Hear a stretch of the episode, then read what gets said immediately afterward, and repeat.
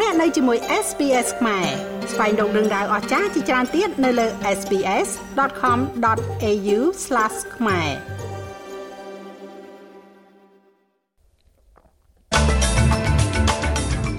អ្នកនយោបាយម្នាក់ដែលចូលរួមក្នុងបដកម្មប្រឆាំងជនបដូរភេទត្រូវបានបណ្តេញចេញពីគណៈបក Liberal រដ្ឋ Victoria រដ្ឋាភិបាល Tasmania ត្រូវកំណត់ឲ្យដឹកនាំក្នុងសម្លេងទាកតិចបន្ទាប់ពីសមាជិកសភា Liberal ពីររូបបានប្រកាសលាលែងចេញពីបក តឡាការកម្ពុជាប៉ាគីស្ថានបានចេញបញ្ជាឲ្យដោះលែងអតីតនាយករដ្ឋមន្ត្រីលោកអ៊ីមរ៉ាន់ខាន់ ជាបន្ទាន់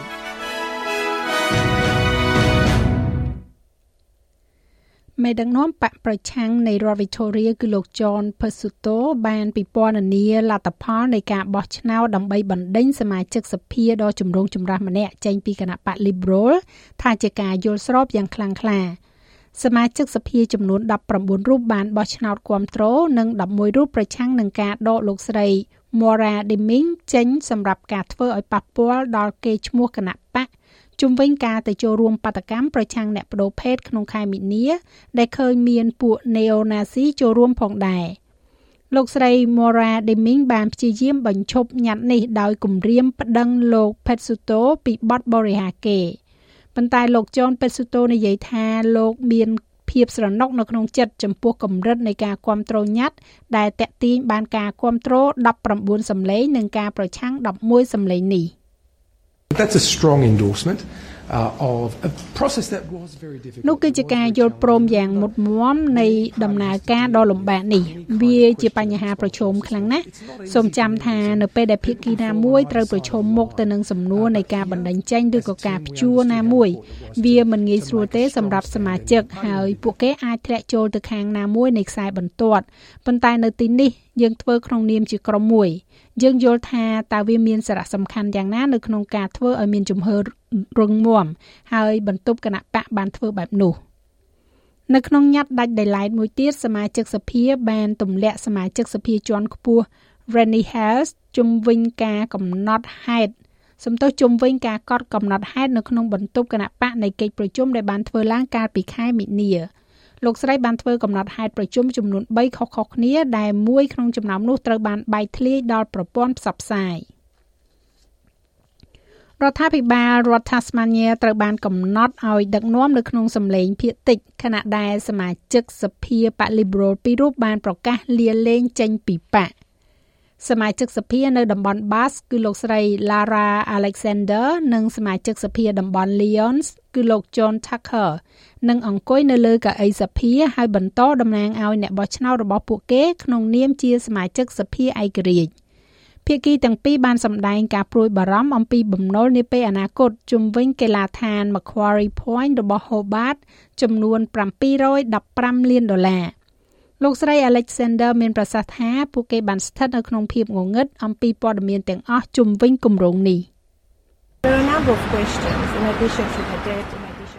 មានសំណួរជាច្រើនបន្ថែមពីលើបំណុលនេះបន្ថែមពីលើការអះអាងនៅពេលអនាគតមានសំណួរមួយចំនួនដែលមិនមានចម្លើយហើយមានសំណួរមួយចំនួនដែលបានបង្កើតឲ្យមានការព្រួយបារម្ភដ៏ធំនេះហើយបានបំបែកសហគមន៍របស់យើង ហើយខ្ញុំគិតថាប្រជាជនសមនឹងទទួលបាននៅចម្លើយចំពោះសំណួរពិតប្រាកដទាំងអស់នេះ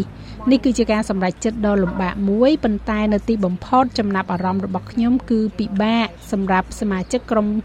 រដ្ឋាភិបាលនិងសម្រាប់ប្រជាជន Tasmania ជាទូទៅតាក់ទងទៅនឹងបញ្ហាដ៏សំខាន់នេះ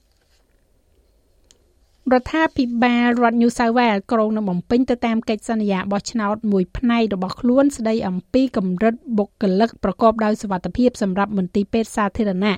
ដោយការជួលគិលានុបដ្ឋាយិកានិងឈ្មោះដែលទៅតែបញ្ចប់ការសិក្សាថ្មីៗបន្ថែមរាប់រយនាក់ គិលានុបដ្ឋាយិកាចំនួន500នាក់និងឈ្មោះចំនួន20នាក់ដែលបញ្ចប់ការសិក្សានិងចាប់ផ្ដើមធ្វើការនៅភូមិខាងលិចទីក្រុងស៊ីដនីក្នុងឆ្នាំនេះដោយបំបែកកំណត់ត្រាកាលពីលើកមុនដែលមាននិស្សិតបញ្ចប់ការសិក្សាចំនួន383នាក់លោកអភិបាលរដ្ឋ Chris Minns មានប្រសាសន៍ថានឹងមានប្រាក់ឧបត្ថម្ភការសិក្សាផងដែរសម្រាប់យុវជនក្មេងៗដែលចង់ចូលទៅក្នុងវិស័យសុខាភិបាលនេះ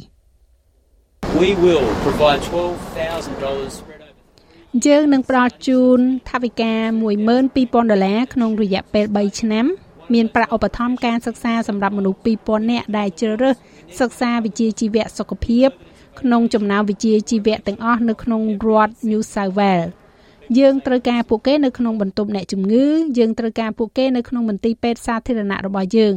យើងដឹងថាវាជាវិជ្ជាជីវៈមួយហើយយើងចង់ធ្វើឲ្យប្រកាសថាយើងកំពុងតែផ្ដល់រាល់ការលើកទឹកចិត្តដែលអាចធ្វើទៅបាន សម្រាប់មនុស្សនៅក្នុងការទទួលយកការងារគ្រប់គ្រងនេះតុលាការកំពូលប៉ាគីស្ថានបានចេញបញ្ជាឲ្យដោះលែងអតីតនាយករដ្ឋមន្ត្រីរបស់ប្រទេសនេះគឺលោកអ៊ីមរ៉ាន់ខាន់ជាបន្ទាន់ តុលាការកំពូលរបស់ប្រទេសប៉ាគីស្ថានបានកាត់ទោសការចាប់ខ្លួនរូបលោកដែលធ្វើឡើងដោយចោទប្រកាន់ពីបទពុករលួយ ហើយនឹងការឃុំឃាំងរូបលោកជាមួយនឹងការិយាល័យគណនេយ្យភាពជាតិ NAB ថាគឺជារឿងខុសច្បាប់ទោះជាយ៉ាងណារដ្ឋាភិបាលបានបដិសេធចំពោះសេចក្តីសម្រេចនេះដោយនិយាយថាខ្លួនបានបដិញ្ញាស្វែងរកមធ្យោបាយផ្លូវច្បាប់ផ្សេងទៀតដើម្បីចាប់ខ្លួនអតីតនាយករដ្ឋមន្ត្រីរូបនេះ។ លោកមេធាវីហ្គូហាអាលីនិយាយថាលោកអតីតនាយករដ្ឋមន្ត្រីខាន់ឥឡូវនេះកំពុងតែស្ថិតនៅក្នុងការឃុំឃាំងរបស់ប៉ូលីសនៅទីក្រុងអ៊ីស្លាមាបាតសម្រាប់ការការពាររូបលោកនៅចំពោះមុខតុលាការនៅថ្ងៃសុក្រដើម្បីពិចារណាឡើងវិញថាការចាប់ខ្លួននេះគឺជារឿងស្របច្បាប់ Tomorrow the case will be taken by Islamabad High Court at 11នៅថ្ងៃស្អែកសំណុំរឿងនេះនឹងត្រូវកាត់ទោសដោយតុលាការជាន់ខ្ពស់អ៊ីស្លាមាបាតនៅម៉ោង11យប់ ញត្តិនេះដែលយើងបានដាក់ស្នើនោះនឹងត្រូវលើកយកមកនៅថ្ងៃស្អែកដោយចៅក្រមទាំងពីរនៃតុលាការកំពូលអ៊ីស្លាមាបាតហើយយើងសង្ឃឹមយ៉ាងមុតមមថាយើងនឹងទទួលបាននូវការធូរស្រាលការឆ្លោះប្រកែកគ្នាគឺថាយើងមានមតិថានៅពេលដែលមានការស៊ើបអង្កេតទៅលើករណី NAB ណាមួយបុគ្គលនោះត្រូវជូនដំណឹងម្ដងហើយម្ដងទៀតហើយប្រសិនបើគាត់មិនបង្ហាញខ្លួននៅក្នុងការស៊ើបអង្កេតទេគាត់មិនសហការទេនោះអាជ្ញាធរស៊ើបអង្កេតមានសិទ្ធិក្នុងការចាប់ខ្លួន។ ចឹងហើយណាមានមនុស្ស10នាក់បានស្លាប់និងរាប់ពាន់នាក់ត្រូវបានចាប់ខ្លួនខណៈដែលការតវ៉ាដោយហិង្សាបានផ្ទុះឡើងចាប់តាំងពីមានការចាប់ខ្លួនរូបលោកក្រុមតន្ត្រីអូស្ត្រាលី Voyager បានឈានទៅដល់ក្រុមចុងក្រោយទាំង10នៅក្នុងការប្រកួតតន្ត្រី Eurovision នៅក្នុងទីក្រុង Liverpool ប្រទេសអង់គ្លេសក្រុមតន្ត្រី ពីទីក្រុង Perth មួយនេះបានចូលរួមប្រកួតជាមួយនឹងបទចម្រៀងទសវត្សរ៍ទី80របស់ពួកគេដែលមានចំណងជើងថា Promise នៅក្នុងការប្រកួតវគ្គពាក់កណ្ដាលផ្ដាច់ព្រាត់តារាចម្រៀងនាំមុខរបស់ក្រុម Voyager Daniel Erstring និយាយថាក្រុមតន្ត្រីនេះមានក្តីរំភើបនៅក្នុងការតំណាងឲ្យប្រទេសអូស្ត្រាលីហើយមានភាពវិជ្ជមានចំពោះលទ្ធផលនៃការប្រកួតប្រជែងនេះ Australia has such a wonderful history of bands um អូស្ត្រាលីមានប្រវត្តិក្រុមតន្ត្រីដ៏អស្ចារ្យបែបនេះអ្នកដឹងទេសិល្បករល្បីល្បីជាច្រើនក្រុមតន្ត្រីអស្ចារ្យជាច្រើនបានចេញមកពីប្រទេសអូស្ត្រាលីហេតុអ្វីបានជាមិនមែនជាក្រុម Voyager យើងសន្យាថានឹងធ្វើឲ្យបានល្អដូច្នេះខ្ញុំគិតថានោះជាសារសម្រាប់អូស្ត្រាលីឲ្យស្ថិតនៅក្នុងការប្រកួត អង្គការសុខភាពពិភពលោកនិយាយថាការផ្ទុះឡើងជាសកលនៃមេរោគ Mpox ដែលដំបូងគេស្គាល់ថាជាអុតស្វាឬក៏ Monkeypox នោះមិនមែនជាគ្រាអាសន្នអន្តរជាតិទៀតទេ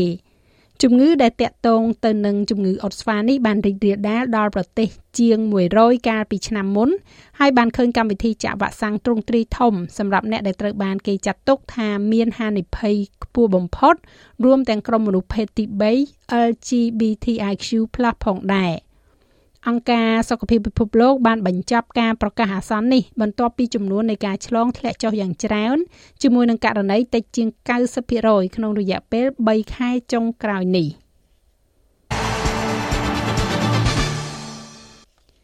នៅក្នុងព្រឹត្តិការណ៍កីឡាស៊ីហ្គេមលើកទី32ដែលកំពុងប្ររពឡើងនៅប្រទេសកម្ពុជានៅពេលនេះក៏មានប្រភេទកីឡាប៉េតង់ឬក៏បោះប៊ូលលើវិញ្ញាសាចំនួន11ប្រភេទ ហើយគិតត្រឹមថ្ងៃទី11ខែឧសភាម្សិលមិញកម្ពុជាដែលធ្លាប់តែជាស្ដេចកីឡាប៉េតង់ឬក៏កីឡាបោះប៊ូលនៅអាស៊ាននោះទើបតែឈ្នះបានមេដាយប្រាក់ប៉ុណ្ណោះលោកស្រីកែលេងកីឡាករនីប៊ូលនិងប៉េតង់កម្ពុជាដែលជាម្ចាស់មេដាយមាសនៅស៊ីហ្គេមនិងមេដាយពិភពលោកនិយាយថានេះក៏ដោយសារតែបច្ចេកទេសនិងការវឹកហាត់របស់កីឡាករកីឡាករនីកម្ពុជានៅមានកម្រិតយើងហាត់នៅក្នុងទីលានរបស់យើងនេះគឺក្នុងមួយថ្ងៃគឺមានពេលព្រឹក 4ម៉ោងពេលល្ងាច4ម៉ោងអញ្ចឹងការខិតខំរបស់បងប្អូនគឺខំអស់ពីសមត្ថភាពហើយប៉ុន្តែវាដូចមានថ្ងៃខ្លះទៅក៏វាអាចមានប៉ះពាល់សុខភាពគ្នាខ្លះអីចឹងដែរយើងអត់មានកំណត់ខ្លួនឯងបានថាយើងសុខភាពយើងនៅតែល្អរហូតទេចាចំណែកឯតារាងមេដៃ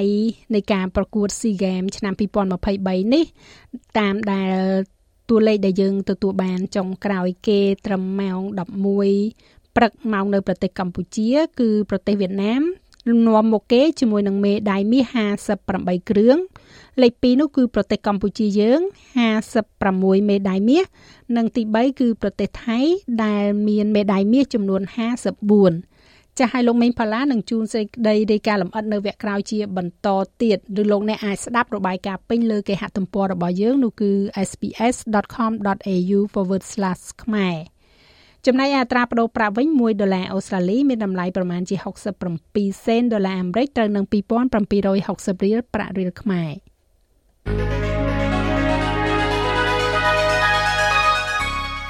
ឥឡូវយើងក៏លេខមកមើលការព្យាករណ៍អាកាសធាតុសម្រាប់ថ្ងៃសៅរ៍ស្អែកនេះវិញ ទីក្រុងផឺតរលឹម22អង្សាភាគច្រើនបើកថ្ងៃនៅអាដាលេដ21អង្សា មានពពកដោយពេលនៅមែលប៊ន17អង្សា ដូចគ្នានៅហូបាត16អង្សាខេនបេរ៉ាចុះត្រជាក់ខ្លាំងនៅពេលព្រឹក មានពពកដោយពេល17អង្សាស៊ីដនីរលឹម21អង្សារលឹមដូចគ្នានៅ Brisbane 23អង្សា មានរលឹមបន្តិចបន្តួចនៅទីក្រុង Cairns 28អង្សា បើកថ្ងៃនៅ Darwin 33អង្សា និងទីក្រុងភ្នំពេញមានពពកដោយពេល36អង្សា